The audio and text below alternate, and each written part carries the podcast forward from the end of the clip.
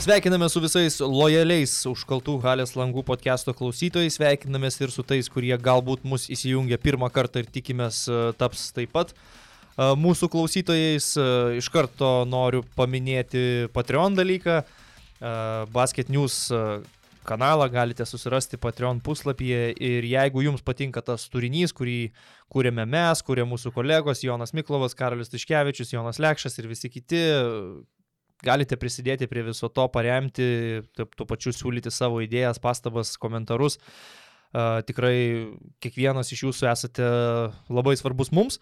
O šiandien tradicinis užkaltų halės langų podcastas, kaip visada, susėdome su Karoliu pirmadienį. Uh, jau turbūt ir prisistatinėti taip atskirai nebereikia. Jau Sveiki visi. Įpratote prie mūsų. Aš esu Karolis. Taip, vis dar neapsikirpęs Karolis Kadikinas šalia manęs. Uh, Šį kartą podcastą pradėsime nuo Europos taurės turnyro, kurį buvom palikę ramybėje praėjusią savaitę. Eurocapė buvo trumpa pertraukėlė. Ir mes, aišku, fokusuojamės į Vilniaus ryto grupę. Ten situacija tikrai įtempta, bet šansai nėra tokie prasti, kaip priklausomai esi pesimistas ar optimistas. Žiūrėsi tą stiklinę vandens ar matysi pusiau tuščią ar pusiau pilną stiklinę. Tai aš, pavyzdžiui, nusiteikęs gan uh, optimistiškai, kad Vilniečiai turėtų įšokti į kitą etapą. Aišku, reikia laimėti prieš Bursos Tofašą rytoj antradienį vakarė tas rungtynės. Pageidautina idealiu atveju netgi laimėti didesnių skirtumų nei buvo pralaimėta Bursoje, e, tačiau ir paprasta pergalė būtų labai didelis žingsnis į priekį Vilniečiams. Tai va, bet aišku, yra ir tas tamsesnis scenarius, e, pagal kurį rytas gali nepatekti į kitą etapą. Yra netgi toks variantas, kad rytas ir pralaimėjimo atveju eitų tolyn, labai daug kas priklauso nuo Krasnodaro lokomotyvo krepšininkų, jie savo rungtinę žais su Belgrado partizanu, tai Karoli, tu esi tikimybių ir lentelių specialistas. E, trumpai mūsų klausytojams e, apžvelg, kaip ten viskas atrodo, ko reikia Vilniaus rytui, kokie scenarijai palankiausi, o kokie galbūt yra patys blogiausi, nes yra variantas, kad net ir pergalės atvejus e, artimiausias rungtynėse rytas vis tiek nepatektų. A, tai rytui palankiausi rezultatai yra pergalės, visos baigtys, nu, kuriuose jie laimė, yra gerai. Rytui, rytoj, antradienį vakarą laimėjus bent 11 taškų skirtumų jie automatiškai užsitikrina kelialapį į kitą etapą, rytui laimėjus mažiau negu 11 taškų, bet įveikus važiavo viskas persikelia į paskutinį turą, kur rungtynės vyks Italijoje su Venecija, ten uh, galimai pergalės tikėtis bus sunku, vėlgi labai daug kas priklausys nuo Venecijos komandos nuotaikų, jų užimamos vietos ir jų motivacijos, bet gali būti taip, jog rytoj rytų laimėjus iki 11 taškų ir Loko laimėjus prieš Partizaną namie, trys komandos turės po keturias pergalės. Ir tuomet jeigu rytas pralaimėtų prieš Veneciją dar sekančiame turė kitą savaitę, o Tofašui ir Loko žaidžiant tarpusavyje ir tarkim, jeigu Loko laimėtų tas rungtynės, tai rytas nepatektų, nes turėtų minusinį įmestų taškų. E, Trijų komandų. Jo skirtumą prieš, prieš Tofašą. E, taigi labai nepalankus būtų atvejs tas, jeigu rytas viską paliktų savo tą likimą spręsti rungtynėms Turkijoje, nes e, ten žaidžiant Tofašui ir Loko gali būti taip, kad lokomotyvui laimėjus tas rungtynės ir Tofašas, ir Loko pateks į kitą etapą. Tai a, turbūt reikėtų viską palikti, likimą savo, savo, savo spręsti ir rytoj laimėjus 11 taškų patekti į kitą etapą. Jo, yra tas net mažai realistiškas scenarius, pagal kurį, kaip ir minėjau, rytas su trimis pergalėmis patektų į kitą etapą, pralaimėjęs net ir šį antradienį ir paskutinėme ture. Tam, aišku, reikėtų, kad Krasnodaro krepšininkai nebeiškovotų pergalių. Ir tokiu atveju rytas e, du kartus įveikęs Loko galėtų būti ketvirtas grupėje, e, bet tada dar net ir Limožo komandai kažkokios teorinės viltis e, lieka. Aišku, Limožas jau atrodo nurašytas, jie prarado ir savo lyderį. Ir šiaip tos komandos situacija grupėje nepalanki, turbūt kova reali vyksta dėl likusių laisvų vietų tarp Tofašo, Ryto ir, ir Lokomotyvo. Tai rungtynės įdomios, tai galima sakyti tikras finalas. Rytui šios rungtynės tikrai žiūrint į sezono visą eigą yra kur kas svarbesnės nei tai, kas įvyko sekmadienį. Principinės rungtynės LKL su Kauno Žalgiriu, bet ten nei pergalė, nei pralaimėjimas tavo sezono realiai niekaip nekeičia. O čia rungtynės, kurios gali nulemti, ar bus Europos taurės tiesinys top 16 ar ne ir tai aišku taip pat gali lemti ir tam tikrus e, žaidėjų kontraktus, e, galbūt patekimo į kitą etapą atveju kažkokį potencialų pasistiprinimą, nepatekimo atveju gali kažkas ir palikti komandą, net meskime tokių variantų. E, manau, kad motivacija žaidėjų turėtų būti maksimali, nes aš taip įsivaizduoju, na, kažkokie bonusai turėtų būti numatyti už patekimą į antrą varžybų etapą. Tikrai rungtynės Vilniuje labai svarbios. Dabar, kai rytas jau žaidžia padorų krepšinį, man atrodo, kad ir Vilniečių į Siemens areną prisirinks šiek tiek e, daugiau. Žodžiu, galima pasiekti dvigubą pergalę, kaip tu ir minėjai. Reikia laimėti, o jei susiklostytų viskas taip, kad e, bus šansas laimėti ir didelių skirtumų, taip pasistengti padaryti tai daugiau nei 10 taškų. Ar favoritas rytas ar ne, Vilniuje žaidžiant, sunku turbūt e, sakyti, nes Bursos Tofaš man tokia neprognozuojama komanda, kaip ir daugelis Turkijos ar Italijos komandų turinčių nemažai pinigų, pajėgių legionierių, bet žaidžiančios tokį labai chaotišką kartais ir sunkiai nuspėjamą krepšinį. Rytas buvo favoritas namie rungtynėse prieš Partizaną, bet pralašė, buvo favoritas namie prieš Veneciją, pralašė, nebuvo favoritas namie prieš Loko, bet laimėjo ir tada tik tai prieš Limožą buvo favoritas ir laimėjo. Tai tas uh, favorito ta etiketė būtent šiame turnyre tikrai mažai ką nu, reiškia. Šiaip aš tą gal favorito statusą taip vertinu ne iš bookmakerių perspektyvos, o labiau taip asmeniškai, kaip man atrodo. Uh, Tai e, būna kartais ten favoritas išskirtas rungtynėse su Venecija. Pavyzdžiui, ryto laikė favoritų, aš niekur kur nelaikiau ryto favoritais tose rungtynėse. Čia gal net 50 ant 50. Nelabai esu matęs Bursos Tofašą Turkijos čempionato varžybose, bet e, tarkim rungtynės Bursoje, kurias Vilniečiai pralaimėjo, buvo tokios uh, galbūt 25 minutės atrodė visai primtinos rytui. Tai yra, Tofašas silpnokai gynėsi, nemažai laisvės buvo palikta ir Bendžiui, ir Krūzui, ir kitiems žaidėjams rinkti taškus. Ir viskas buvo gerai iki to momento, kai prasidėjo klaidos. Gal penkios išėlės atakos net nesibaigė metimų į krepšį, o tada Tofašas bėgo į greitą polimą, susirinko savo lengvus taškus, pasidarė dviženklį pliusą. Ir iškovojo pergalę. Žaidžiant namie, Siemens arenoje, nu tikiu, kad galima išvengti tokių sugriuvimų. Ir norisi tikėti, kad e, pavyks. Tai laukiam rungtynių, rungtynės, kurios dabar gruodžio viduryje realiai gali nulemti vos ne visą ryto sezoną, nes jeigu tu iškrenti iš Eurocapo, tau lieka vienerios LKL rungtynės per savaitę visą likusį sezoną. Gali ruoštis nebent Karaliaus Mindogo taurė. Jo, ten dviem susitikimams su dar kartą Utenos Juventusu. Karaliaus Mindogo taurė bent jau, žinai, yra turnyras, kuriame tu gali šokti aukščiau bambos. Tau vienose rungtynėse reikės nugalėti žalgirį. Ir kaip rodo istorija, tai nėra neįmanoma. Bet, e, ir pusfinalį, tarkim, Neptūną arba Lietkabelį. Jo, nu, bet tai yra realistiška. Tai nėra neįmanoma vienose rungtynėse nugalėti žalgį. Jiems gali būti prastesnė diena, tau gali būti e, labai geros ten sezono rungtynės su labai geru pataikymu.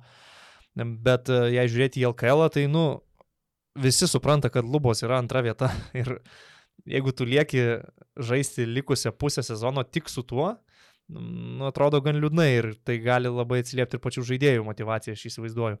Bet uh, tikėkime to geresnio varianto. Rytas su Bursos Tofašu, antradienis Vilnius Siemens arena.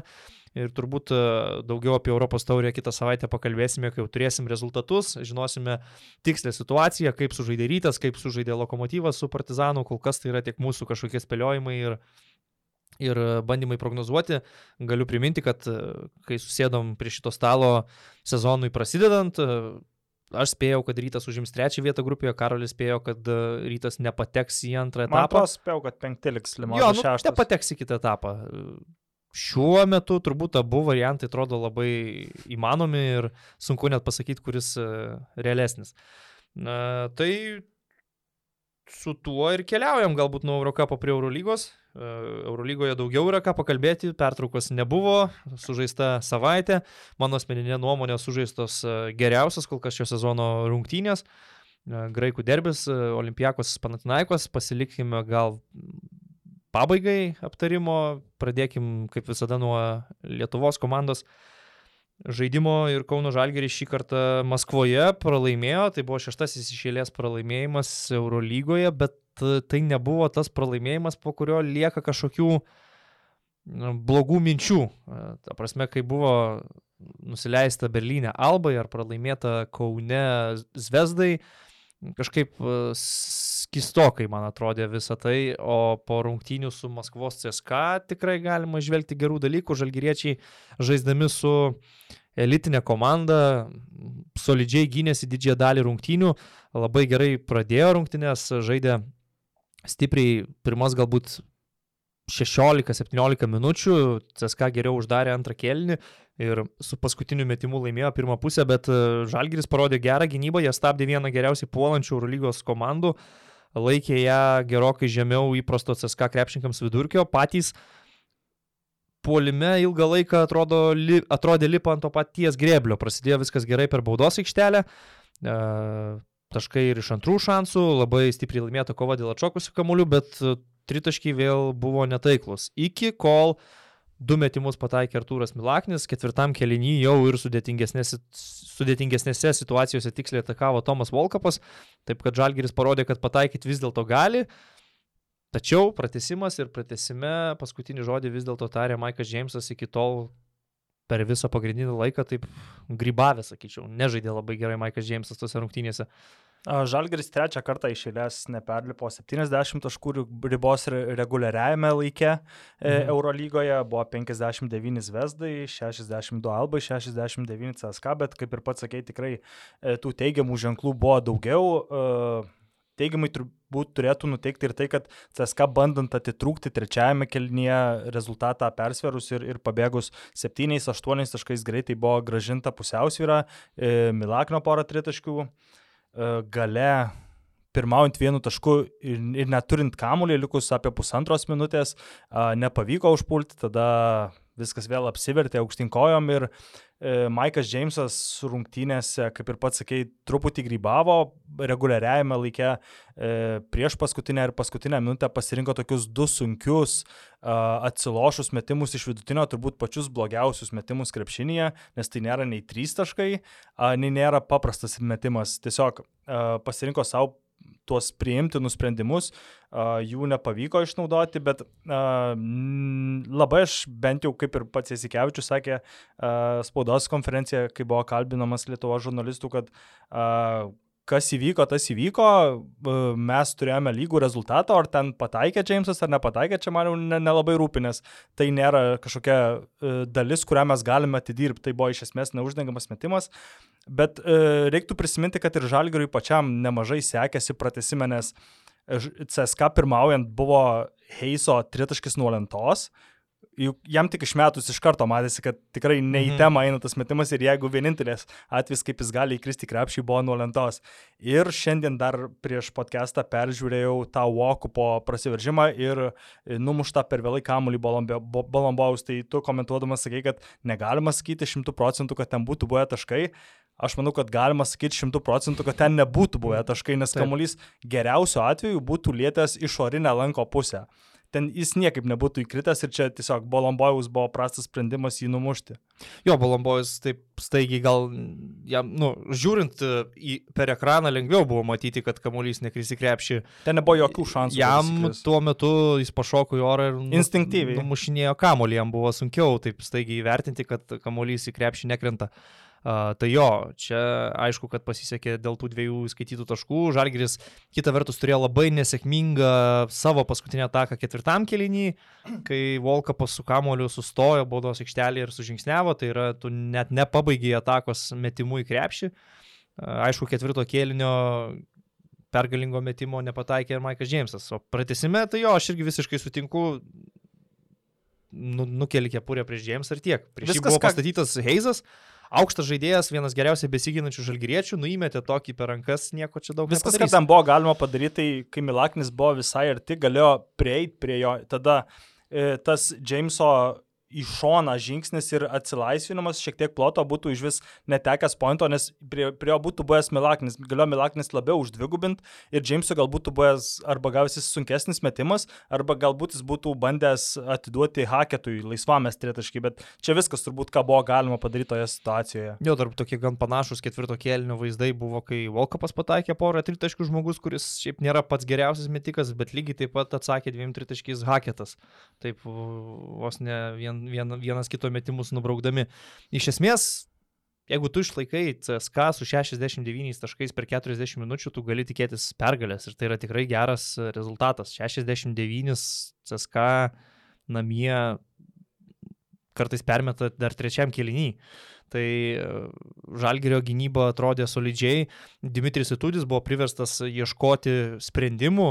Tai, kas veikia įprastai, CSK komandoje šį kartą nepasiteisino, tai labiausiai Johanneso Foitmano žaidimas ketvirtoje pozicijoje, visiškai išjungtas buvo vokietis iš rungtynių, nors prieš tai turėjo labai gerų mačų su Barsa, su Realu.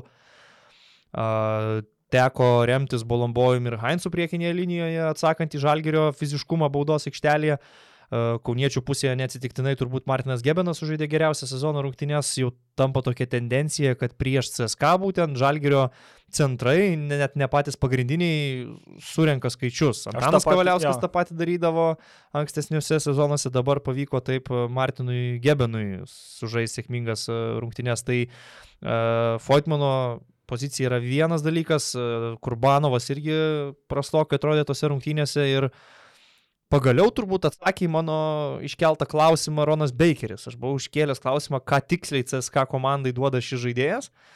Ir rungtynėse su Žalgiriu Bakeris parodė, kad jis duoda neblogos gynybos ir laisvas gali pataikyti į krepšį. Jam tai taip pat buvo geriausias sezono rungtynės, kaip ir Žalgirėje Martinui E, Gebenui ir, pavyzdžiui, Daranas Hilliardas buvo dar vienas e, krepšininkas e, visiškai išimtas iš rotacijos po ilgosios pertraukos, nes tiesiog jis, jis neveikia. Tai varžovų treneris parodė tokį lankstumą, prisitaikė, labai uh, spėjo įvertinti, kurie žaidėjai šiandien netinka prieš Kauno Žalgerį ir surado tuos, kurie tinka. Uh, kol Maikas Džeimsas grybavo 40 minučių, CSK tempė haketą su strėlininku.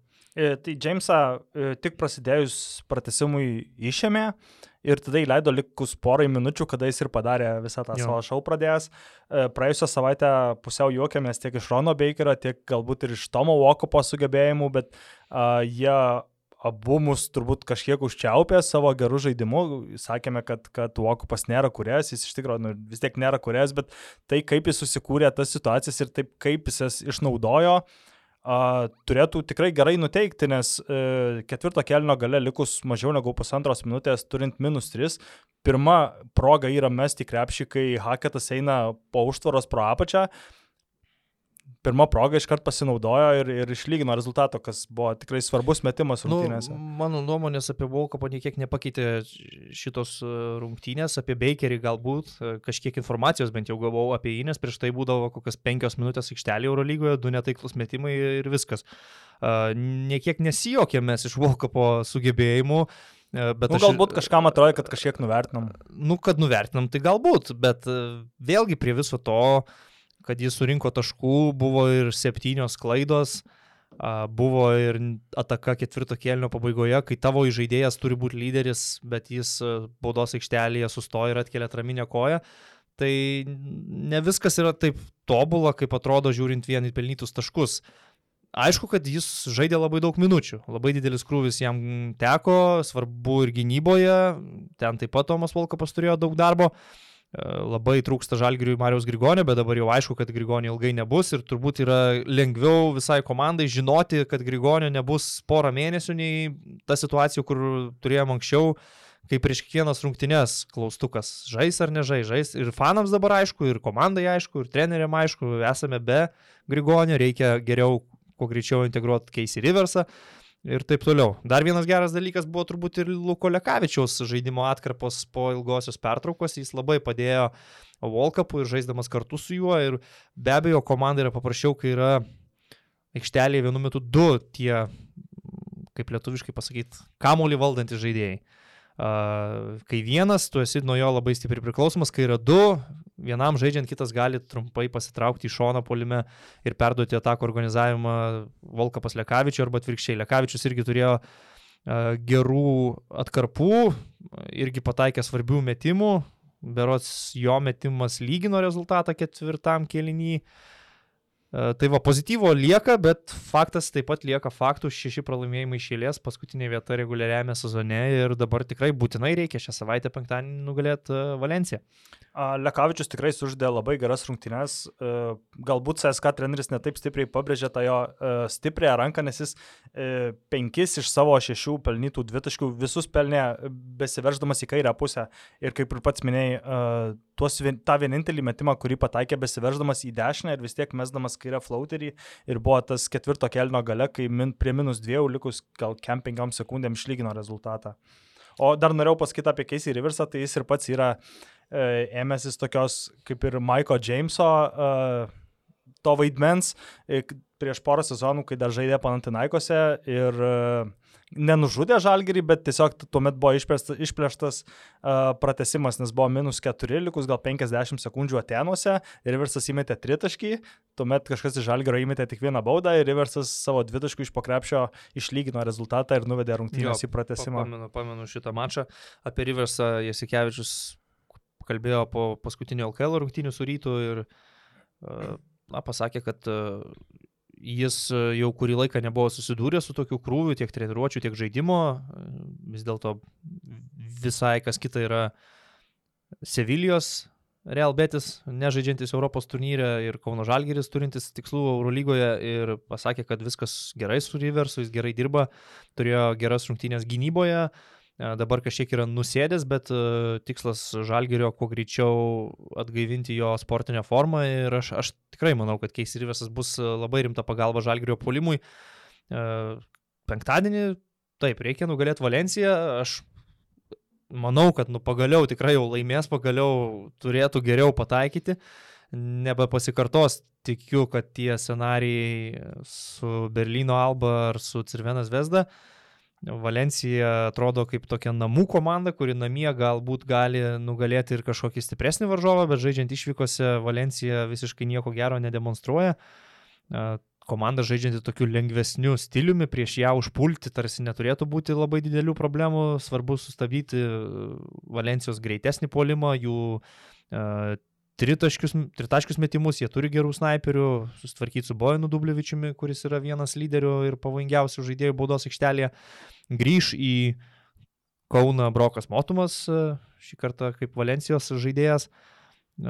Tarsi talento toje komandoje yra, bet aš manau, kad namie Kauno Žalgiris turi šitą iššūkį, su, su šituo iššūkiu susitvarkyti ir nutraukti pagaliau tą pralaimėjimų seriją. Valencijos visos pergalės ir yra iškovotos namie, įvyktas Asvelis ir tuomet trijų rungtynių serijoje namie įveikti Bayernas, Zenitas, Himki, tai kaip ir pergalių jokių įspūdingų neiškovota, viskas pralašta išvykoje, tikrai visi ženklai veda į tai, kad Žalgiris turėtų pagaliau laimėti, aš gal nesiryšiu spėt, nes uh, vis tiek nežinau, bet, bet kas gali įvykti. Bet... Nu, tai spėlionės niekada nėra dėkingas dalykas. Aš tiesiog spėju, kad pagaliau bus iškovota pergalė ir kažkaip turiu nuojautą, kad tokia tvirtesnė pergalė. Jo, gali būti, kad visi tie pramesti metimai vėliau sukris vienose rungtynėse ja. ir ten bus iš 24-16 30. Nu, galbūt sumes Milaknis, sumes Riversas, kad Žalgeris vėl susikurs progų, aš tuo įsitikinęs, nes Valencija, kiek aš ją mačiau, nėra gynybos komanda, jį gal labiau primena Berlyno Alba savo tuo laisvu žaidimo stiliumi ir e, dabar paskutinės Valencijos rungtynės, e, kai žaidė su Realu, nu ten toks tiesiog pasimėtymas vyko, priminė netgi NBA reguliarų sezoną. E, nėra taip, kad Realas laimėjo labai didelių skirtumų, pati Valencija neblogai pataikė, bet visas rungtynės žiūrint matėsi, kad, nu, Realui nėra sudėtinga. Jie kiek nori, tiek meta taškų, kai tik Valencija truputį priartėja Realas, tada padidina apsukas ir spurtuoja. Kampaco atliko dabar jei neklystų 17 rezultatyvių perdavimų tose rungtynėse ir net nelabai galvojo, kaip pelnyti taškus, o tiesiog įeidavo į baudos aikštelę ir į kraštus numetinėjo ar tai Tompkinsui, ar Koserui, ar, ar su Tavarešu du prieš du užbaiginėjo. Ir labai paprastai realas e, rinkosi savo taškus ir be didesnių net pastangų gynyboje lengvai laimėjo, sakau, man tai atrodė kaip NBA reguliariojo sezono tokias eilinės rungtynės. E, Valencija sužaidė su Realu ketvirtadienį, tuomet po dviejų dienų, aišku, ten toli, toli keliauti nereikėjo, sužaidė Ispanijos čempionate. Ir čia turbūt labai retas atvejis Eurolygos tvarkaraštyje, kad žaidžiant ir vietinėme, ir ir Eurolygos čempionate komanda turi net šešių dienų pertrauką tarp rungtynių. Tai turbūt vis tiek atvyks ir, ir palsė, ir nusiteikia. Nu, tai nėra, kad Žalgeris kažkoks labai pervargęs turėtų būti. Aišku, sekmadienį žaidė su rytu, žaidė pilnų pajėgumų, bet nėra, man atrodo, tai labai didelė problema. Šiuo atveju ne, neturėtų būti nuovargis kažkoks faktorius. Jo, bet tarkim, e, po pralaimėjimo, vieno iš pralaimėjimų Jasikevičius yra sakęs, kad va čia per devynias rungtynės, per, dienas, per devynias dienas keturias ar penkias rungtynės uždėm, tai tos LKL rungtynės, tai nežinau, kiek jos turėtų būti įskaičiuojamas į tą skaičių ir Žalgeris pats renkasi jas žaisti. Nu, su rytu, manau, kad vis tiek tai galima priskirti rimtoms rungtynėms, kur Žalgeris turėjo ir atlašinėti nemažą minusą ir žaidė su tikra pilna rotacija, tai nebuvo Roko Jokubaičio minutės. Jo, bet šitą jis sakė ne, po, ne apie... Jo, jo, aš suprantu, aš, aš dab, dabartinę situaciją vertinu, kad manau, kad tai buvo normalios rimtos rungtynės, bet nuo sekmadienio iki penktadienio yra sočiai laiko ir atsistatyti, ir analizuoti ir žaidimą varžovą. Day off padaryti. Viskas yra čia normaliai parengta ir nemanau, kad Valencija turės kažkokį pranašumą dėl to. Gerai, užteks galbūt apie Kaunų Žalgirį, reikia paminėti ir kitas rungtynės įvykusias praėjusiame ture, tai e, galbūt nuo netikėto rezultato aš pradėsiu asmeniškai. Milano Armani pralaimėjo namie 10 taškų skirtumų Cirvenai Zvezdai 67-77 prisiminus. Ir dar praėjusią turą, kai Milanas gan beviltiškai pralaimėjo Graikijo Olimpijakosui, ar galima sakyti, kad tokia kaip ir pirmoji duobelė ištiko šią patyrusią veteranų komandą? Armani dabar yra pralaimėję keturias iš paskutinių penkių rungtynių um, Euro lygoje. Buvau labai užsihypinęs prieš maždaug mėnesį, kad tai yra karščiausia komanda, dabar turbūt. Labiausiai yra, čalus. Jo, šalčiausia komanda. Ir uh, netikiu, kad vėl prasidės tas visas uh, tas sniego gniūštė taip ir nuredės nuo kalno, kaip ir kaip tie pralaimėjimų serija, bet uh, turbūt kažkokių problemų komandoje yra, nes uh, pralaimėt keturias iš penkių rungtynių prieš tai, kaip prieš tai buvai laimėjęs iš pirmų septynių šešias, atrodo gal šiek tiek keista, nes ir, ir pirmoje pusėje italų varžovai irgi nebuvo kažkokie labai silpni ir jie iškovodavo geras kokybiškas pergalės namuose. Man atrodo, kad kai kurie dalykai paaiškinami ir žaidėjų formą vertinant, pavyzdžiui, Luisas Skola, veteranas, man dabar atrodo nusėdęs. Ir logiška, kad tas nusėdimas kažkada turėjo ateiti, atsižvelgiant į pasaulio čempionatą, kuris vedė Argentiną iki finalo. Sezoną tarsi pradėjo dar ant tos pačios geros bangos, dabar jau atrodo, kad truputėlį leidžiasi jo žaidimo kreivė ir čia, aišku, Etorė Mesinai reikia kažkaip spręsti tuos dalykus. Yra ir traumų Armani komandoje, vis dar nežaidžia Artūras Gudaitis. Sergio Rodrygėsas tarsi tempia, bet galbūt trūksta pagalbos stabilesnio žaidimo iš kitų gynėjų, ne Manė Nedovičius, Michael Raulo. Šiaip veteranų komanda, ten ir Vladimiras Micovas irgi patyręs veteranas, tai man atrodo logiška, kad tokia komanda turės savo duobių, bet klausimas pagrindinis yra, kaip sureaguosi tos pralaimėjimus ir ar sugebės atitiesti, nes ankstesnės Armani komandos, treniruojamas Pienidžiani, išleista buvo daug pinigų komplektacijai, irgi turėdavo atkarpų pergalių serijų, bet po to, kai krizdavo į duobę, dažniausiai iš jos nebeišlipdavo. Tai įdomu, ar šita komanda su visiškai kita komplektacija ir kitų trenerių e, sugebės vėl lipti į viršų. E, šiaip labai rezultatyvus buvo Eurolygos turas, e, netaip dažnai pamatysi, net penkios komandos pelnė daugiau nei šimtą taškų. Vienerios rungtynės buvo su pratesimu, kur abi pelnė šimtą, virš šimto tai yra Fenerbakčia prieš Berlyno Alba 107-102, Fenerbakčia nugalėjo Vokietijos klubą. Per pratesimą patys beje Fenerio žaidėjai ir ištraukė tą pratesimą, nes jau buvo arti pralaimėjimo, e, nors ir tai dar viena pergalė į taupyklę, bet kažkokių simptomų pagerėjimo nematyti, nes Fenerbakčia žaidžia namie su Alba, tikrai nesitikė, kad bus pratesimas ir kad vokiečiai bus taip arti pergalės, o jau dabar grįžęs į reikiuotę ir Nando Dekolo. Uh, Ir Kostas Lukas atrodo pradėjo žaisti puikiai 23.39 naudingumo balai, bet net ir to nepakanka, kad Feneris ramiai nugalėtų tokį varžovą kaip Alba. Ir dar galima pridėti ir Panatinaikos, jam irgi truko vieno taško, kad, kad būtų jo, įmetę šimtą taškų, nors ten irgi buvo pratesimas. Aš dar norėjau pabaigti turbūt apie Fenerį. Uh, kad polimas yra vietoj jau tarsi aišku, su Dekolo, su Sluku jie rodo, kad gali užpult, jie pataiko, Melikas Mahmutoglu pataiko iš, iš, iš toli, Derikas Williamsas pasiautė greitajame polime, bet gynyba niekaip nesustvarko ir man atrodo, čia yra didžiausias galvos skausmas Želko Bradovičiui, Obradovičiui, kaip išsireikalauti iš šitos komandos žaidimo gynyboje. Faktas, kad jie talentų, patirtimi ir polimu gali nugalėti, ypač žaidžiant namie, daugelį Eurolygos komandų, bet su ta gynyba, kurią jie rodo, su tokiu gynybos lygiu, gal ir užteks iki to paštuoni, bet kad žaisti finalo ketvirtį ir galvoti apie Eurolygos titulą, nu, jokių prošvaiščių. Turi būti dideli, dideli pokyčiai gynyboje. Ir dabar jau ir yra tas laikas, kai reikia pradėti rinkti pergalės, nes jeigu pradžią sezono galima buvo nurašyti kaip nesusižaidimas, vis mhm. tiek mm. kai kurie nauji žaidėjai, kurie užima gan svarbes rolės atėjo į komandą, Tai dabar jau yra tas laikas, kai, kai reiktų pradėti kilt nuo 13 vietos į, į 8-7 ar bent jau į bet kurią, kuri užtikrina playoffus. Pergalę kaip ir įsirašė, bet abejonės toliau lieka būtent dėl žaidimo, dėl gynybos, nes, nu, pergalė, okei, okay, pergalė penkta iškovota, pakilo iki 12 vietos, bet uh, žaidimas ir toliau ne tas, ne, ne čempioniškas, ne finalo ketvirto Fenerbakčias veidas, kurį matome. Uh, šiaip dar viena komanda, kuri nuvilė mane bent jau asmeniškai labai, tai yra Müncheno Bayernas. E, dabar keturios pergalės, aštuoni pralaimėjimai, jokių šansų neturėjo Bayernas e, žaidžiant išvykoje su Tel Avivo Makabi, pelnė tik 55 taškus ir man kažkaip atrodo, ieškant artimiausio trenerio atleidimo Bayernas visai realistiškai, jeigu taip ir toliau tęsis Eurolygoje. Šiaip Dėjano Radoničiaus interviu klausydamas aš taip pagalvojau, kad prieš metus jis geriau kalbėjo angliškai nei kalba dabar. Dabar man sunkiai eina suprasti, ką, jis, ką, ką jis sako. Jo.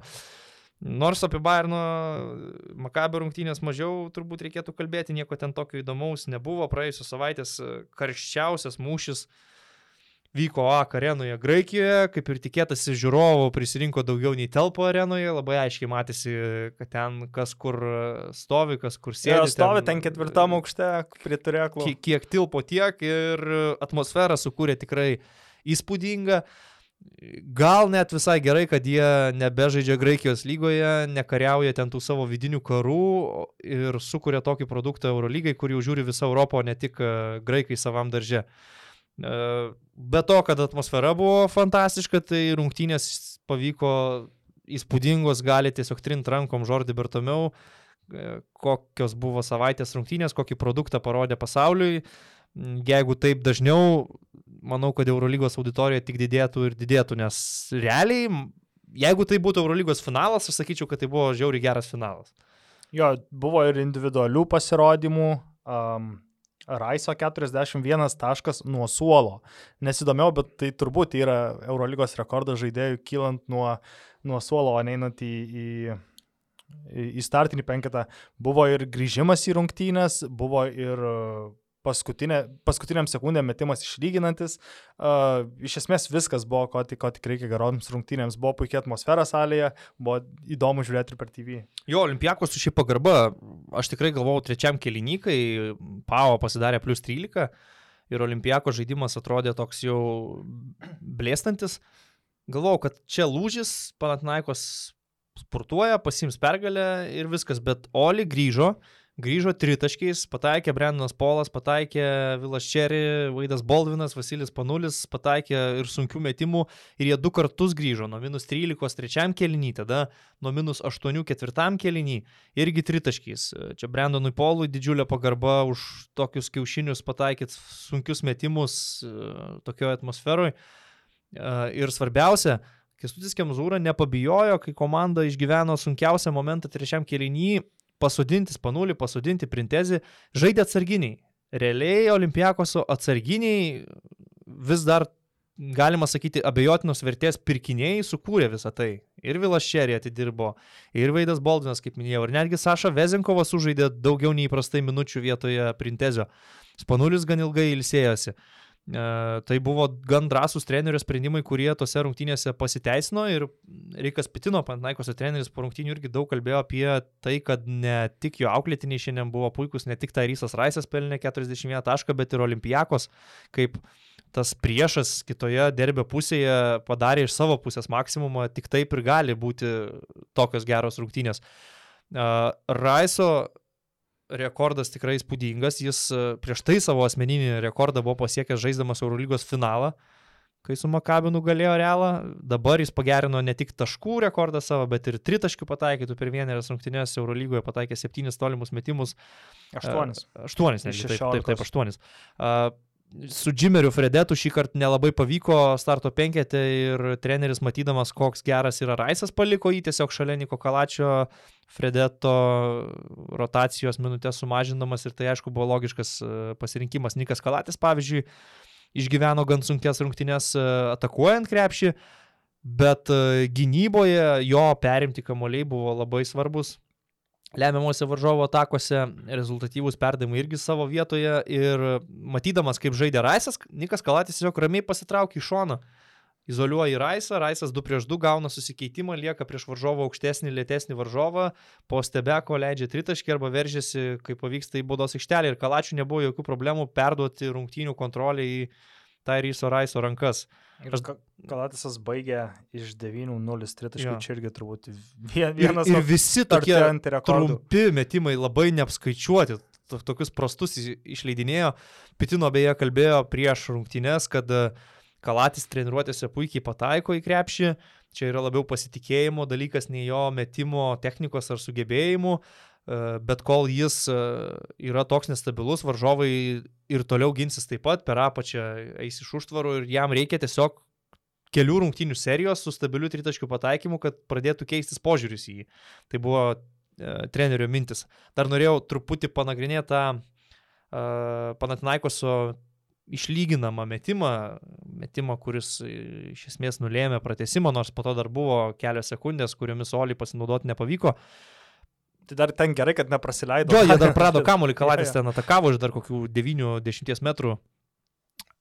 Ta paskutinė ataka labai nebūdinga šio laikiniam krepšiniui. Net ir įvykus susikeitimui, kad ir lieka didelis prieš mažą, beveik niekas šiais laikais lemiamuose atakuose nesiunčia kamolių į baudos aikštelę centrui nugarai krepšį. Vis tiek atakas lemia žaidėjai perimetre. Nikas Kalatis pasitikėjo milžinų papajanių, atidavė jam perdimą, papajanis pasisuko, įmetė puskablį nuo lentos, prieš jį buvo likęs gerokai žemesnis varžovas Vaidas Baldvinas, bet Vaidui Baldvinui irgi galima išsakyti kritikos.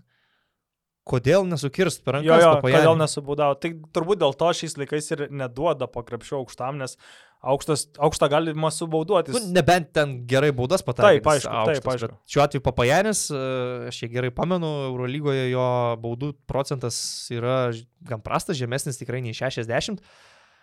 Kodėl nesubauduoja, aš nesuprantu, Vaidas Baldvinas, e, jeigu prasižengia, nu jeigu jis pataikys tas dvi baudas, okei, okay, lygų. Bet čia yra, ne, ne, nėra labai didelė galimybė. Aš kad- suprasčiau, tu plus vieną turi, nu gal tada pagalvosi, gal ir nebauduot. Aš šiaip tą patį galvau, kai Žalgiris žaidė su CSK ir Žalgiriui turint minus 2, su Vokapas su kamuoliu, aš lygiai tą patį galvau, kad CSK turėtų tiesiog subauduoti. Tai įmestas dvi baudas, okei, okay, bus lygo, o ne, o ne rizikuoti ir, ir leisti po krepšio, ar galima net ir tritaškį Nu, bet prasileisti. žinai, dar ten, tarkim, kamuolys volka po rankose, nu čia viena situacija. E, Bet čia jau apie labai konkretų atvejį kalbame, kai mismečas po krepšiu, 2,20 m žaidėjas prieš 1,90 m ir tas 2,20 m yra prastas prie baudų linijos. Tu gali prasižengti jam dar net negavus kamulio. Tu buvo laiko kirst per ranką, kai jau gavo, nes Papajanis turėdamas kamulį pasisuko per petį, susikaupė, išmetė puskablį, tai užtruko porą sekundžių. Ir mm, nežinau, ar sakė Kestutis Kemzūra tai savo auklėtiniu ar ne, bet man atrodo gan akivaizdu, kad logika reikalavo pažangos. Nu, bet čia toks labiau eu- europietiškas mąstymas. Amerikiečiai gal labiau bando apsiginti be pražangų visą laiką. Jie, jie tų, tas taktikos gudrybės gal netaip dažnai vartoja tokios situacijose. Bet dabar tu esi amerikietis Europoje. Jo, tu faktas, reikia prisitaikyti. Galbūt amerikietis, kuris Europoje rungtyniauja jau ne vienerius metus, pavyzdžiui, Tairysas Raisas gal ir suprastų. Vaidas Baldvinas tik atvykęs iš NBA dar nesusiorientavo tokioje situacijoje. Pratesimo metu irgi galėjo viskas pasisukti įvairiai, bet Panatinaikosui pavyko sužaisti tokią geresnę pabaigą, iškovotą pergalę. Tairysas Raisas turbūt per vieną naktį tapo Panatinaikos klubo legenda, bent jau tą vakarą Atenuose, bet visur, kur Panatinaikos fanai, ten jis, jis buvo dievas. Jo, visur išskyrus uostą. Nu, Atenuose. jo, visur išskyrus ten, kur dominuoja e, olimpiakos spalvos. Tikrai, man tai buvo geriausias kol kas šio sezono rungtynės. Iš to, ką matėm reguliariajame sezone, nors tai nei, nei, nei pirmas pratesimas, nei tai pirmos rungtynės, kurias sprendės paskutiniam sekundėm, bet su visais komponentais - atmosfera, žaidėjų užsivedimas, pralaiminčios komandos sugrįžimai, trenerių reakcijos, žaidėjų spūdingi pasirodymai, asmeniniai rekordai, viskas buvo savo vietose ir, nu, tokias rungtynės mm, verta pasižiūrėti turbūt ir dar kartą. Aš, pavyzdžiui, kitą dieną pusryčiaudamas atsisukau įrašą dar kartą pažiūrėti, nes tiesiog buvo wow. Ir galbūt galima sakyti, kad Olimpijakosas pagaliau atsigauna, nes viskas prasidėjo tomis rungtynėmis su Žalgiriu. Prieš tas rungtynės e, Olimpiakosas buvo pralošęs namuose 25 taškais Makabiui ir 19 taškų Anadolų. Tada laimėjo tas rungtynės su Žalgiriu, sekančiose rungtynėse po trijų kelnių pirmavo 8 taškais prieš Bayerną, tai reiškia vis tiek žaidė labai gerai išvykoje, gale pralaimėjo, nu pralaimėjo, okei. Okay. Tada ta, ten buvo dviguba savaitė, e, antrose tos dvigubos savaitės rungtynėse 19 taškų laimėta išvykoje prieš Albą, vėliau namie 21 e, taškų laimėta prieš Armanius ir dabar vėl būtų labai labai arti pergalės prieš savo pagrindinius varžovus išvykoje. Jo, jo, jo, aš sutinku ir uh, kas labai svarbu, savo vertę pradeda rodyti tie pirkiniai, apie kuriuos daug e, buvo kalbama ir abejojama, ar tai yra tinkami žaidėjai olimpiakos, tai dabar matom tikrai, nu, kad Brennas Polas yra tinkamo lygio, tai jau faktas, bet ir tie visi kiti pagerino savo žaidimą, užsitarnauja didesnį kestučio kemzūros pasitikėjimą ir po truputį matosi, kad galima krepšinį pasirodo žaisti ir be spanulio su printeziu. Galima net ir be jūsų sužaisti geras atkarpas sunkiose svarbiose rungtynėse. Na, aišku, labai padeda ir tai, kad Nikola Milutinovas yra puikios sportinės formos ir šiuo metu vienas geriausių centrų Eurolygoje, bet iš tikrųjų toks olimpiakosas yra pakankamai konkurencingas, jau nekalbant apie tai, kad Panatinaikos, kuriuos irgi dar prieš sezoną ir sezono pradžioje vertinau bent jau aš šiek tiek skeptiškai, šiuo metu turi vieną geriausių puolimų lygoje. Ir Tairyso Raiso kombinacija su Niku Kalačiu gali būti ne vienadienis kažkoks projektas, o žiūrint į priekį, tokios formos Raisas šalia Niko Kalačio toliau gali būti puikus ginklas. Pant, Ra, ra, mhm. sakyk, sakyk. sakyk. Pantnagos šiuo metu yra rezultatyviausia Eurolygos komanda, aišku, tai turbūt prisideda kažkiek ir tuo, kad Pantnagosas net du pratesimų žaidė, tai turėjo tiesiog matematiškai daugiau progų pelnyti taškus. Sorry. Ne, aš dėl Raiso tiesiog norėjau pasakyti, žmogus, kuris buvo jau vos nenurašytas, visiškai Barcelonoje praleido metus nežaisdamas B, Barcelonoje. Krepšinio, Barcelonos B komandoje, nu realiai, sakykime, nežaisdamas krepšinio, normalaus krepšinio. Buvo visiškai pamirštas, praeitą sezoną praleido Bamberge, FIBOS čempionų lygoje, grįžo į Eurolygą ir žaidžia gal net geriausią savo krepšinį. Raisas niekada nebuvo labai geras metikas, jo tritaškių procentai nebūdavo labai aukšti. Kol kas šį sezoną jis labai gerai pataiko iš toli, vienas geriausių procentų turbūt komandoje, virš 40 e, taiklumas Eurolygoje ir 8 iš 16 sumetė graikų derbyje. Su tokiu Tarysu Raisu tu tikrai gali nuveikti didelių dalykų, dar turint omeny, kad šalia yra e, Fredetas, šalia yra Dešonas Tomas. Ta komplektacija ryškėja kaip visai gera, matom, kad Rikas Pitino nusiteikęs daugiau žaisti su aukštais centrais. E, tai nėra labai būdinga šio laikinėme krepšinėje, bet kol kas pasiteisina. Na, tarkim, 2 m 2 cm Jacobas Wiley absoliučiai nepakilo nuo suolo ir kaip pats treneris paaiškino žurnalistams po rungtinių, Oli turi Milutinovą ir mes norėdami su juo sutvarkyti atsisakėme idėjo žaisti su Jacobu Wiley, sakoma, undersized vidurio polėjų per, per, per žemą ūgio tiesiog. Šiaip Tairysas Raisas, fun fact, turbūt yra vienintelis uh, turintis MVP Eurolygos, nu, finalo ketvirto, čempionų lygos MVP ir Eurocapo reguliaraus sezono ir finalų MVP. Nutituluotas žaidėjas. Uh, tai va, graikų. Lietuvos All Staras dar. Nu, čia irgi svarbu. Taip, taip. Tai va, graikų derbis tikrai paliko didelį įspūdį. Ir dabar dar labiau nori silaukti antrų atsakomųjų rungtynių jau taikos ir draugystės sporto rūmose. Uh, ateina vis dėlto geri dalykai iš to, kad Oli Pavo nebežaidžia vietinėje lygoje, nes kai sužaisdavo per sezoną tų derbių 10-12. Nu, va, tokį kažkur skaičių. Tos Eurolygos reguliariojo sezono rungtynės, aišku, turėjo savo etiketę, bet nebuvo tokio didelio žiotažo, kaip dabar yra. Ką dar iš turo galima paminėti, turbūt karščiausios komandos e, statusą dabar jau perėmė net ir tavo e, asmeninėje e, reikiuotėje Efesas. Efesas. Vienareikšmiškai. Jo, nu, Aš nelabai dar kažką galiu pasakyti. Praėjusią savaitę laimėta prieš Baskonę, bet man atrodo, kad Baskonijoje ten viduje yra kažkokių problemų. Galbūt esu girdėjęs, kad e, žaidėjai šiek tiek maištauja prieš Velimirą Perasovičių, prieš trenerį ir galbūt nenori žaisti, nori greičiau uh, jį pašalinti iš to posto ir, ir tuomet pradėti kaip ir pusiau iš naujo sezoną. Mhm. Nu, FS yra ta penkta komanda, kuri pelnė daugiau nei šimtą praėjusią savaitę, tai 102.77 tiesiog nušlavė Baskoniją. Išvykoje. Išvykoje taip. e, Baskai garsėja, aišku, trenerių pokyčiais šioje organizacijoje prastai kantrybės ne per daugiausiai.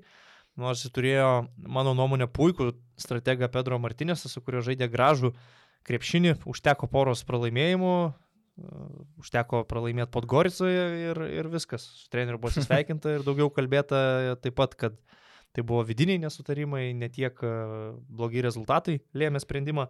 Aišku, pernai Vitorija buvo ir a, tokio didelio spaudimo klubui, trenerių, žaidėjams, nes finalo ketvirtas vyko Vitorijoje ir e, nuo pat pradžių kalbėta, kad e, ambicijos veda į finalo ketvirtą, bet kaip matėm, e, ties to paštuoni, ties ketvirtfinaliu tradiciškai buvo pralaimėta CSK. Bet Vitorija nepateko ne tik į Eurolygos pusfinalį, bet net ir į ACB pusfinalį jo. nepateko, nes ten buvo pralaimėta nuo Saragosos ir jeigu Valencija nebūtų pernai laimėjus Eurocapo, tai Saragosa būtent būtų patekus šiais metais į, į Eurolygą. Turbūt per daug nenustebintų, jei kažkada artimų metų Baskonija ir Bayernas būtų komandos keičiančius trenerius Eurolygoje.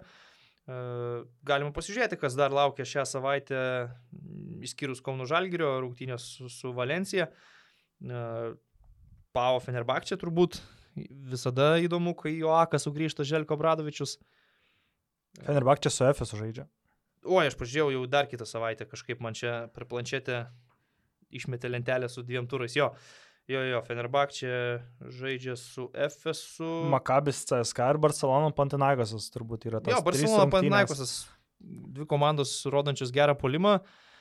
Barsa po gerų rungtynių su Himki Rusijoje, Kurtinaičio komanda, jie nugalėjo tokiuose bėkirmes labai greito tempo rungtynėse. O kada į Barsos sudėtį turėtų grįžti visi traumuoti žaidėjai? Sausį, vasarį. Tiksliai nežinau, Ertelio trauma tai tikrai rimta ir manau, kad ten užtruks e, laiko jam ne tik, kad grįž, bet grįžus dar ir įsibėgėtas, gauti žaidimą. E, Pangolso situacija, jis ten lyg ir jau neseniai turėjo būti su komanda grįžti, bet kaip ir nėra. Tai tikslių datų nežinau. Bet šiaip Barsas su Pavo gali, turi potencialo surenkti dar vienas labai gražias rungtynės, dvi komandos demonstruojančios aukštus polimo rodiklius, gerus pataikymo procentus. E, Dvi komandos, kurios ir praėjusią savaitę puikiai pasirodė, tai vienas įdomesnių rungtynių tikrai.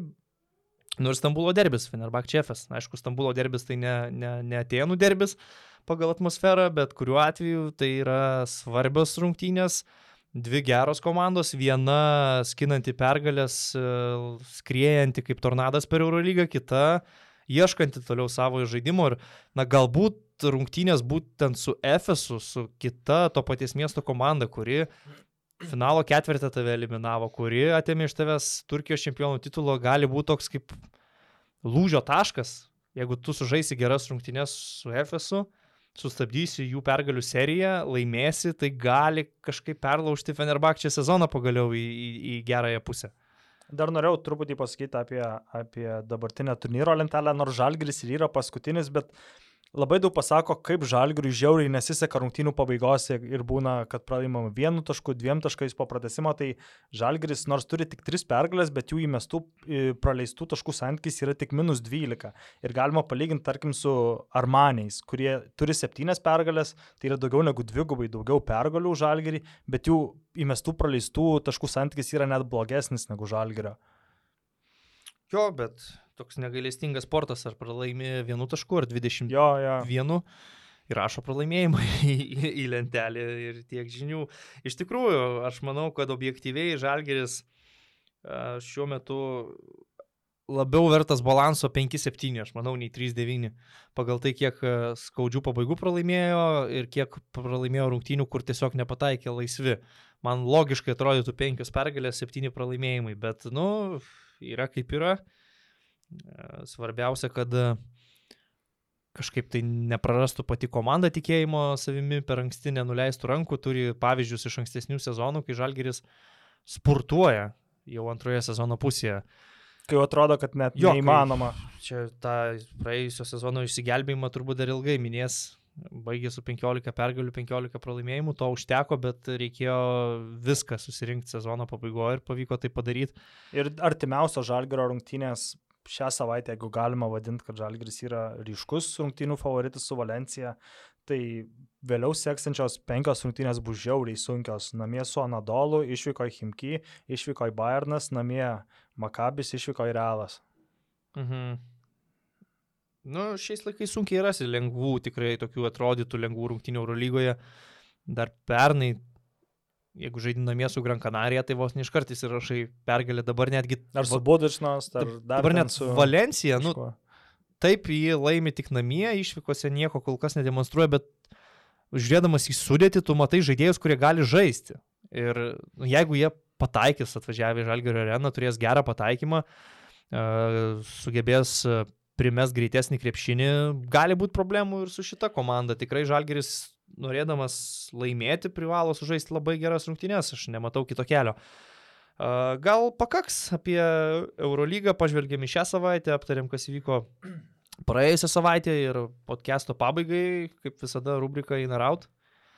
Jo, persikeliame į, į į, į šią vietą podcast'e ir šiai, šiam kartui In or Out rubrikoje pasirinkome a, tokį vėlgi nelabai kažką susijusio su dabartimi, tiesiog gal truputį užbėgsime už akių artimiausiems planams tiek mūsų nacionalinės komandos. Ir in ar out teiginys būtų toks, ar tu in ar out, kad Donatas Matijūnas vėl užsivilktų mūsų rinktinės marškinėlius ir ne atrankoje, bet pagrindiniuose turnyruose birželį ir galbūt olimpinėse. Nu, Darius Maskoliūnas išreiškė tą poziciją, kad uh, jo planuose yra Donatas Motyvūnas. Turbūt naujas treneris dabar ateinantis po Dainiaus Adomaičio kitaip ir negalėtų kalbėti, nes Adomaitis iš dalies nepopuliarus buvo visuomenėje, dėl to ultimatumo Donatui Motijūnui. Ir dėl to. Žmonės ja. visada prikaišiodavo, kodėl nėra Donato, kodėl nėra Donato.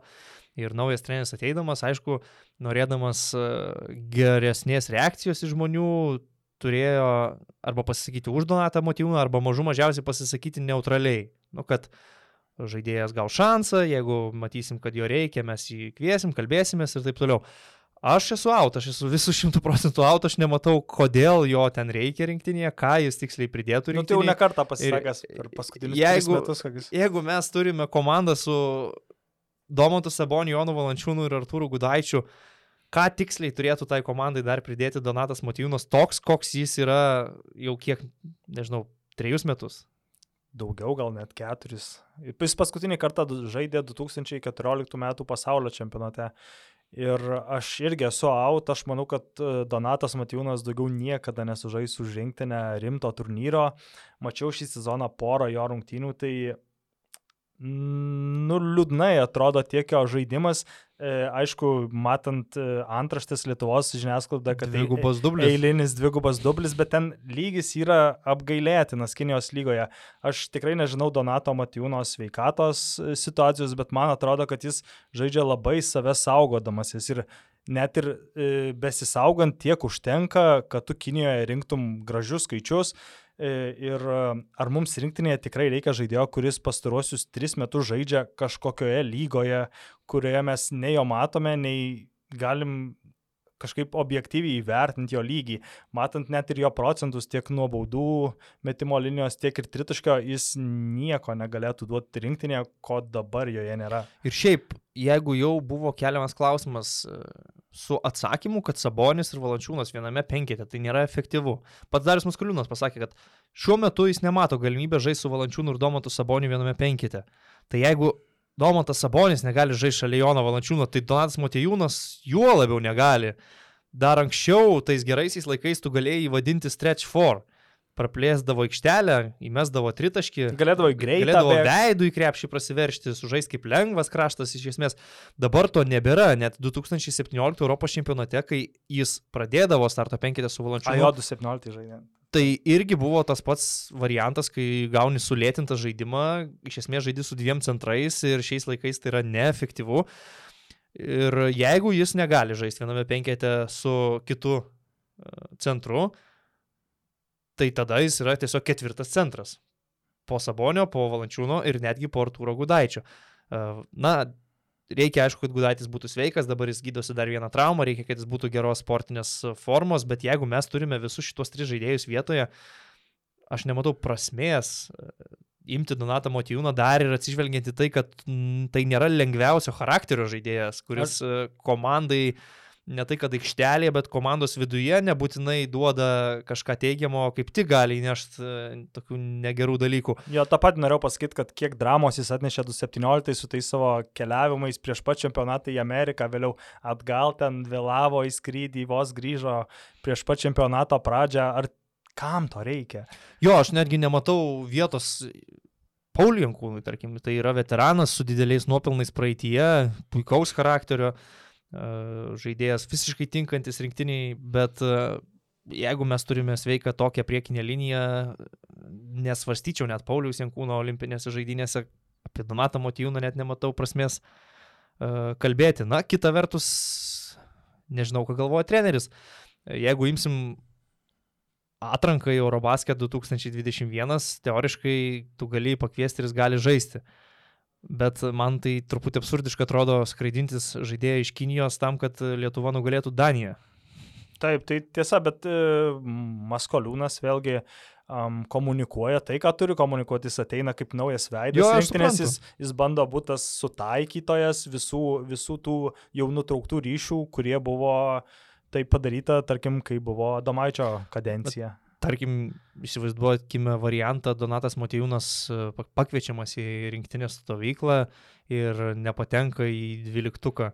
Dėl savo lygio. Tiesiog ne dėl jo, kažko jo. kito, Nu, dėl savo tai- per žemo žaidimo lygio. Tokiu atveju tai jau yra nu, visiškai užgautos ir žaidėjo ambicijos. Dabar, žiūrint iš Motijūno pusės, tu gali bet kokią kritiką atremti, sakydamas, kad tiesiog Adomaitis manęs nemėgo, manęs susisėdo, nedavė man šansų įrodyti save, nekvietė, manęs nebuvo.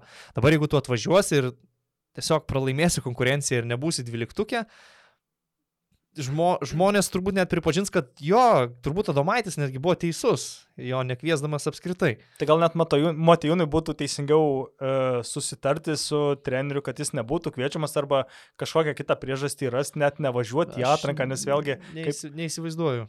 jam atvažiuoti ir, ir užsigauti savo ambicijas, kaip turbūt ir būtų, um, irgi tai būtų pralošta, prala, prala, praloštas ėjimas. Nu, mes su tavim nekartą diskutavom, kalbėjom, ar Donatas Matijūnas po visų šitų metų Kinijoje dabar būtų efektyvus Eurolygos geroje komandoje ir, nu, a, mano išvada tokia, kad labai nebent ribotą minučių skaičių, labai nedaug ne, ne nedaug trumpas atkarpas žaisdamas galbūt, bet ir tai su klaustukais, tu kaip suprantu, esi dar kategor, kategoriškesnis šio Jo, tai- klausimu.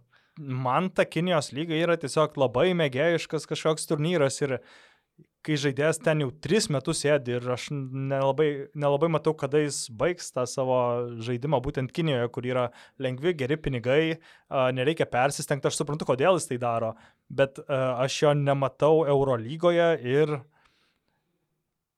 Nu, jis turbūt, baig, baigiant karjerą, turėtų grįžti kažkur į Europą, dar sužaisti, galbūt išpi- išsipildys Gal. ta jos svajonė sužais kažkada už žalgerį, galbūt kažkada žalgeris bus prastesnė kažkokia komanda, prastesnė organizacija negu yra dabar, bet aš nematau, ką jis galėtų bet kurioje Eurolygos Šiaip komandoje įdomu. veikti. paties žaidėjo, nu, tikslai, kiek jis turi ambicijų dar žais konkurencingą krepšinį, nes, nu, Kinijos lyga, tu ten aišku žaidži dėl kažkokios vietos, dėl titulo, bet ten dar ir tie visi apribojimai, kada gali legionierių žaisti, kada negali. Nu, iš esmės, tu esi aplinkoje, kur tu daraisi statistiką, be didesnio e, pasipriešinimo, nes e, vietinių žaidėjų lygis yra gerokai žemesnis net už tavo lygį negeriausios formos. Ir klausimas, kiek jam trūksta pačiam sunkaus tvarkaraščio, sunkių rungtynių, stiprių varžovų, ar jis pats to nori, ar jam labai tinka situacija, kurioje jis yra dabar ir gauna tuos pinigus. Buvo tas trumpas periodas San Antonijoje, ar ne? Kai atsilaisvino vietas Parsuose, Kinijoje sezonas baigėsi, jie pasikvietė Dymo užimti e, aukšto žaidėjo vietą. E, net meskime, kad gali kažkas kartotis ir, ir, ir dabar kad NBA komanda vėl jį pasimtų tokiam trumpam laikotarpiui. Bet ir ten nėra, kad tu gauni kažkokios didelės informacijos. Tarkim, būdamas parsusiais, sužaisdavo minutės tas, jo, kur jau yra rungtinių klausimas išspręstas. Tai kokią informaciją tu iš to gauni, vėlgi jokios. Tai galėjo Sparsai turbūt ten laimėtas septintas rungtynės prieš Denverį, da išėjti prieš Portlandą, galėjo galbūt uh, kažkiek ilgiau pabūti tom NBA, bet, nu, jam turbūt įsivy tiesiog gražu įsirašyti, kad žaidžiau NBA, nes ten net ir tie pinigai nėra kažkokie dideli palyginus su tuo, ką jis gauna Kinijoje. Jo, tai, bet tu pabuvai geroje organizacijoje. Taip, taip, su, kartą į metus. Su, su geru treneriu ir uh, tikėtina, kad NBA radarė Donatas Motynas lieka kaip uh, aukštas žaidėjas, kurį gali išsikviesti į pagalbą, kai yra traumų, yra problemų, reikia ruošiantis atkrintamosiams dar vieno kūno, sakykime taip. Galbūt toks susidomėjimas atsiras ir dabar. E, vis tik žinome, Kinijoje sezonas baigėsi anksčiau, ten apie kovo mėnesį, ar ne? Tai tai vad, bet e, bendrai uždarant inarautų rubriką, aš kaip suprantu, nėra kažkokio nesutarimo. Jo, maksimaliai. Dėl, dėl rinktinės ir, ir, ir Donato Motijūno ir tikrai asmeniškai visiškai nieko neturiu prieš Donatą Motijūną. Nei labai jį pažįstu, nei ką, kai jisai išgyveno savo geriausius laikus, man labai patiko stebėti jo žaidimą Houston Rockets komandoje. Na ir tikrai atrodė, kad nacionalinėje rinktinėje tai turėtų būti didelė žvaigždė ir didelė jėga su Jonu Valančiūnu, bet, nu, susiklostė uh, istorija jam labai nepalankiai. Buvo nugaros problemos, buvo tas karas, galima sakyti, su Houston Rockets organizacija, tada daug laiko praleista be kontrakto, epizodinis pasirodymas Pelikanuose NBA, tada galiausiai pasirinktas kelias, karjeros kelias Kinijoje.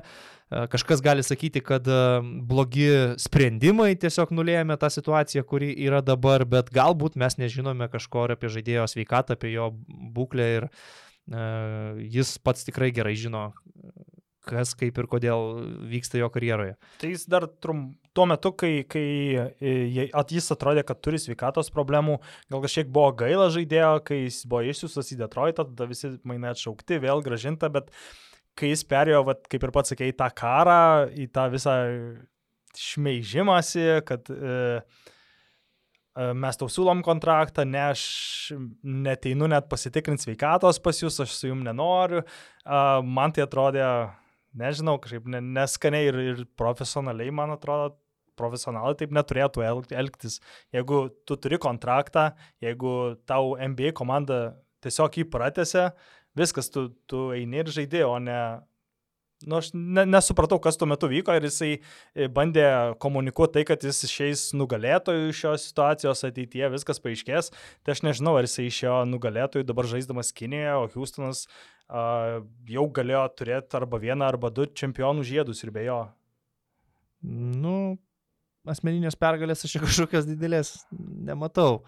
Na, kita vertus, vienas iš prioritėtų profesionaliam sportininkui, aišku, yra užsidirbti pinigų gyvenimui ir, ir Kinijoje, kad ir kaip ten bebūtų pinigus tu užsidirbi, Kinijoje jis turi gerą reputaciją, jis yra geidžiama e, prekė, dėl jo parašo ten varžosi stipriausios Kinijos komandos, tai galima sakyti, savo vietą pasaulio vis tiek surado, e, nors Kinijos lyga tai ne NBA, tai ne Euro lyga, bet, nu, kiekvienas renkasi savo kelią ir savo, savo laimę, tik tiek, kad nacionalinėje rinktinėje šiuo metu nematau jokio reikalo labai jau rimtai svarstyti jo kandidatūrą. Ir jam jau 30 metų kitais metais bus, tai negalima sakyti, kad nu. net ir vidu, vidutinio, vidutinio amžiaus žaidėjas tai yra žaidėjas, kuris turės nu. rimtų traumų, rimtų problemų su sveikata ir, jos, ir jo karjera jau eina į antrą pusę. Nu. Jau, jau veteranų iš esmės gali vadinti. Beje, ar žinai, koks Eurolygos rekordas vis dar aktyvus priklauso Donatui Matejūnui? Ah. Ar totalas reboundų, ar gal polime atkovotų reboundų? Gynyboje konkrečiai. Ai, gynyboje. Žaidžiant už paspačiasą. Jo. Buvo... Bet nežinau, gal 18 ar kažkas tokio. Dabar vakar tikrinaus, bet pamiršau, arba 17, arba 18, bet esmė, esmė, kad vis dar yra gyvas, aktyvus rekordas ir priklauso jis Donatui Motyvūnui. Jo, dar atsimenu rungtynės VTB lygoje, kai Siemensas žaidė Valančiūnas prieš Motyvūną. Tikrai buvo įdomu pamatyti žaidėjus, kurie kitais metais tikrai kelsis į NBA. Jo, buvo, aš irgi gerai. Abu jau buvo padraftuoti. Gerai pamenu tas rungtynės ir jos tokį net ir ažiotažą visai nemažą turėjo, žiniasklaidos gan didelį dėmesį. Nors šiaip nei rytas, nei Seko iš esmės nebuvo tuo metu kažkokios wow komandos, bet turėjo va, tokias dvi asmenybės būsimosius NBA talentus. Baigsim jau šį Baigsim. savo, savo podcastą. Dar kartą primenu, kad Patreon puslapyje susiradę Basket News kanalą galite paremti Basket News idėjas, Basket News kūriamą turinį, prisidėti prie jo. Kviečiu visus bent jau pasidomėti tokią galimybę, nieko nereikalaujam, jokio spaudimo nekeliame, tik primename, kad yra tokia galimybė galbūt padėkoti savotiškai už turinį, jeigu jis jums patinka. O su jumis šį kartą buvo užkalti Halės langai, Karolis ir Rytis, kitą savaitę vėl sugrįšime, aptarsime jau labiau žinodami ir Vilniaus ryto situaciją Europos taurėje, pakalbėsime kaip visada apie Eurolygą, apie Kauno Žalgirį ir kitus Eurolygos svarbiausius mačius. O šį kartą atsisveikinam iki ir susiklausysime kitame podcast'e. Viso.